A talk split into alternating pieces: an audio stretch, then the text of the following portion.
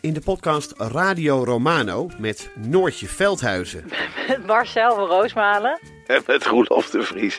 brengen we alle drie elke week een zogenaamde signalering mee. Wat heb jij nou weer bij je? En aan het eind bepalen we wie de winnaar van de week is. Echt een angstcultuur Lege huls die je er bent? Ja, dat gaat eigenlijk altijd onvriendelijk. Luister nu naar Radio Romano bij Podimo. Via podimo.nl slash Radio Romano luister je 30 dagen gratis. Op een dag ontdekte ik Villa Betty. Het grootste en het duurste huis van Amsterdam. Ik had het jarenlang over het hoofd gezien. Maar mijn buurman Kees niet. Hij ziet hoe zijn buurvrouw Betty op haar honderdste uit de villa wordt gezet. En al haar spullen op een openbare veiling worden verkocht. Wie heeft haar dit aangedaan? Ik ben Floor Doppen en in mijn podcast Villa Betty ga ik op zoek naar Betty's erfenis. Luister nu in je favoriete podcast-app.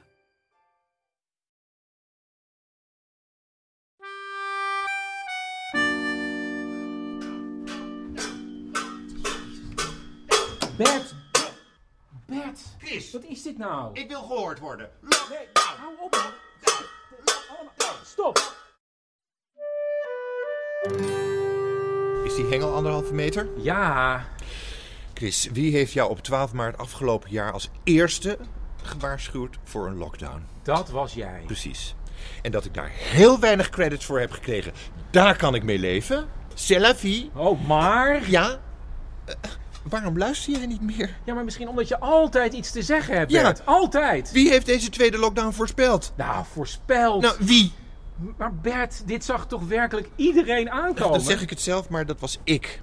Maar er was dus helemaal niets van te horen in je podcast. Ja, maar Bert, je staat voortdurend op mijn voicemail. Ja. Dan zeg je weer, Chris, je moet pannenzegels voor me verzamelen. Dan zeg je, Chris, er komt een Elfstedentocht deze winter. Ja. En dan mag ik weer opeens niet naar de Crown kijken uit respect voor prinses Diana. Ja, ja, precies. En nu probeer je ons dus weer van het eigenlijke onderwerp af te leiden. En dan zeg je dat huizenprijzen gaan zakken. Ja. Dan zeg je, ik heb een heel goed soort softijs in mijn hoofd wat we kunnen gaan ontwikkelen. Ja, dan zeg je, nee Chris, de huizenprijzen gaan stijgen.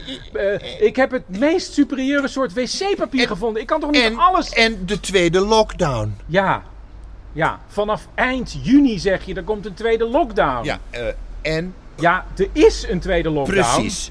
Dus ik zat er weer patsboom bovenop. Vanaf juni, Bert. Kan je nagaan. Nou, gefeliciteerd. Wat zeg je? Gefeliciteerd. Dank je, Chris. Wat fijn dat dat nu helemaal uit de lucht is. Hè? Maar goed, het gaat helemaal niet om mij. Is dat zo, Bert? Chris, ik ben slechts de boodschapper. Don't shoot the messenger. Over boodschappen gesproken, nu ik hier toch ben, heb je nog pannenzegels? Want dit is toch geen pan meer te noemen.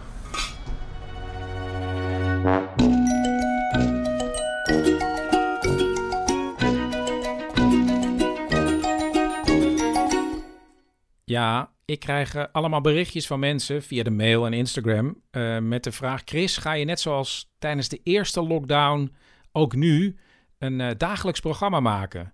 En tegen die mensen moet ik zeggen: nee, dat ga ik niet doen. Eh, dat heb ik toen gedaan en dat was 81 afleveringen achter elkaar. En toen kon je me werkelijk opvegen. Het was wel ja, misschien het allermooiste en allerfijnste wat ik ooit gedaan heb. Maar ik heb besloten na de zomer om een wekelijks programma te maken. En daar voel ik me eigenlijk heel fijn bij. Dus dat blijf ik doen. Het enige is dat ik heb besloten om zowel op eerste kerstdag als op tweede kerstdag een aflevering online te gaan zetten. Dus die hebben jullie te goed. En ik heb in de vorige aflevering al een oproep gedaan. En eh, daar ben ik al mee bezig om. Ik ga die kerst gewoon heel lang uitrekken, omdat we dat nodig hebben. Dus ik zoek feel good en feel bad kerstverhalen. Dus misschien heb je ooit een verschrikkelijke kerst meegemaakt. Ehm, deel je verhaal met mij dat het helemaal misliep. Iedereen ging weglopen bij je kerstdiner en je zat daar alleen met je kalkoen. Of misschien heb je een feel good verhaal dat je een soort wonder hebt meegemaakt op kerstavond. Nou, het mag alles zijn, als het maar met die kerstperiode te maken heeft. Bel drie woorden door naar 084 8371282. En misschien bel ik je terug.